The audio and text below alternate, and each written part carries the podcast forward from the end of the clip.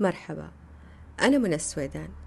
اليوم راح نتكلم عن شاكرة العجز أو شاكرة السرة أو شاكرة الجنس أو الشاكرة المقدسة. كل هذه الأسماء معروفة لاسم الشاكرة الثانية من الشاكرات السبعة واليوم راح نتكلم عنها. موقعها أسفل الظهر والبطن والأعضاء التناسلية. أهدافها الحركة. السيولة المتعة والشعور. مبدأها التقاطب. تبدأ من ست شهور إلى سنتين. هويتها عاطفية. توجهها الإشباع الذاتي. عدوها الشعور بالذنب. لونها برتقالي. المانترا الخاصة فيها فام. عنصر الشاكرة هو الماء. هي مسؤولة عن سوائل الجسم مثل الدم والبول وعصارة المعدة. ترتبط هذه الشاكرة بمشاعر المتعة والمحبة والشهوة الجنسية والانفتاح والإقبال على الحياة. بما أن عنصر شاكرة العجز هو الماء أي خلل طاقي بهذه الشاكرة يولد عدم الثبات في المشاعر والخوف وفقدان الرغبة في الحياة. إذا كانت شاكرة العجز متوازنة نلاحظ أن الشخص متوازن ولديه رغبة كبيرة في الإقبال على الحياة والمتعة. المشاعر المرتبطة بشاكرة العجز تتحكم شاكرة العجز في دوافعك وإقبالك على الحياة، جاذبيتك بالنسبة للآخرين، زيادة رغبتك الجنسية، تزيد قدرتك على الإبداع، تزيد المرأة أنوثة ورقة، وتزيد من قدرتك العقلية والحسية. الأعضاء المرتبطة بشاكرة العجز المثانة الرحم والجهاز التناسلي عند المرأة والرجل على حد السواء والجهاز البولي البروستات والأمعاء والقولون. شاكرة العجز مسؤولة أيضا عن الساقين. أي خلل بهذا الشاكرة سيخلق أمراض في هذه الأعضاء. أمراض الرحم الأكياس البطانة المهاجرة وأورام القولون والضعف الجنسي عند الرجل.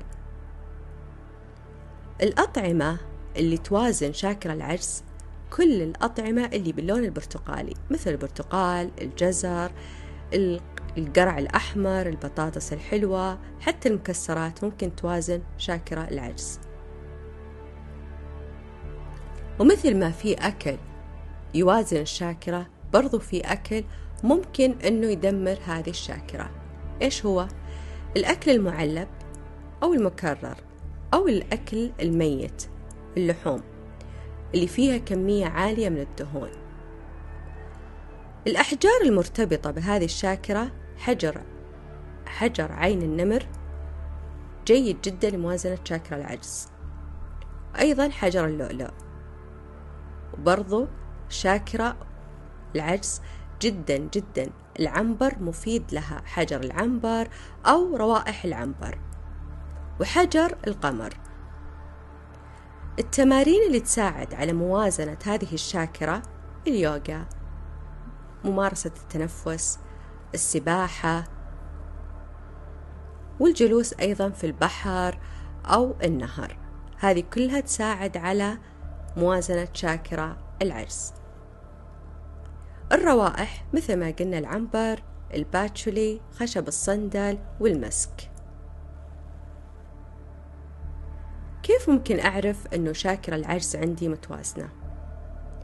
أول شيء بشعر أني قادرة على خلق علاقات اجتماعية صحية خصوصا علاقات الحميمية.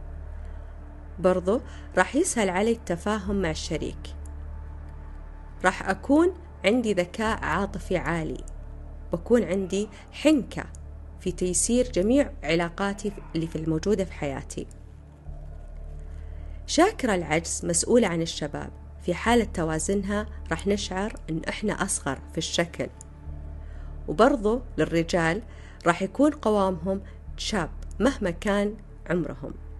عند المرأة تستمر الدورة الشهرية لفترة طويلة. في حالة عدم توازن شاكرة العجز راح تشعر بالتوتر الدائم والخوف من المجهول وراح تشعر بحنين دائم للذكريات القديمة. دائما عندك آلام الطفل الداخلي لأن شاكرة العجز تعبر عن الماضي. برضو راح تعطيك ضعف جنسي أو خوف من الدخول في أي علاقة. في حال عدم توازن شاكرا العجز يعطيك نحافة شديدة. راح تجعلك أيضا تخاف من آراء الآخرين وراح تكون غاضب دائما تشعر بألم وحرقان في القولون في البطن بعد كل مشكلة تسبب لك التعلق.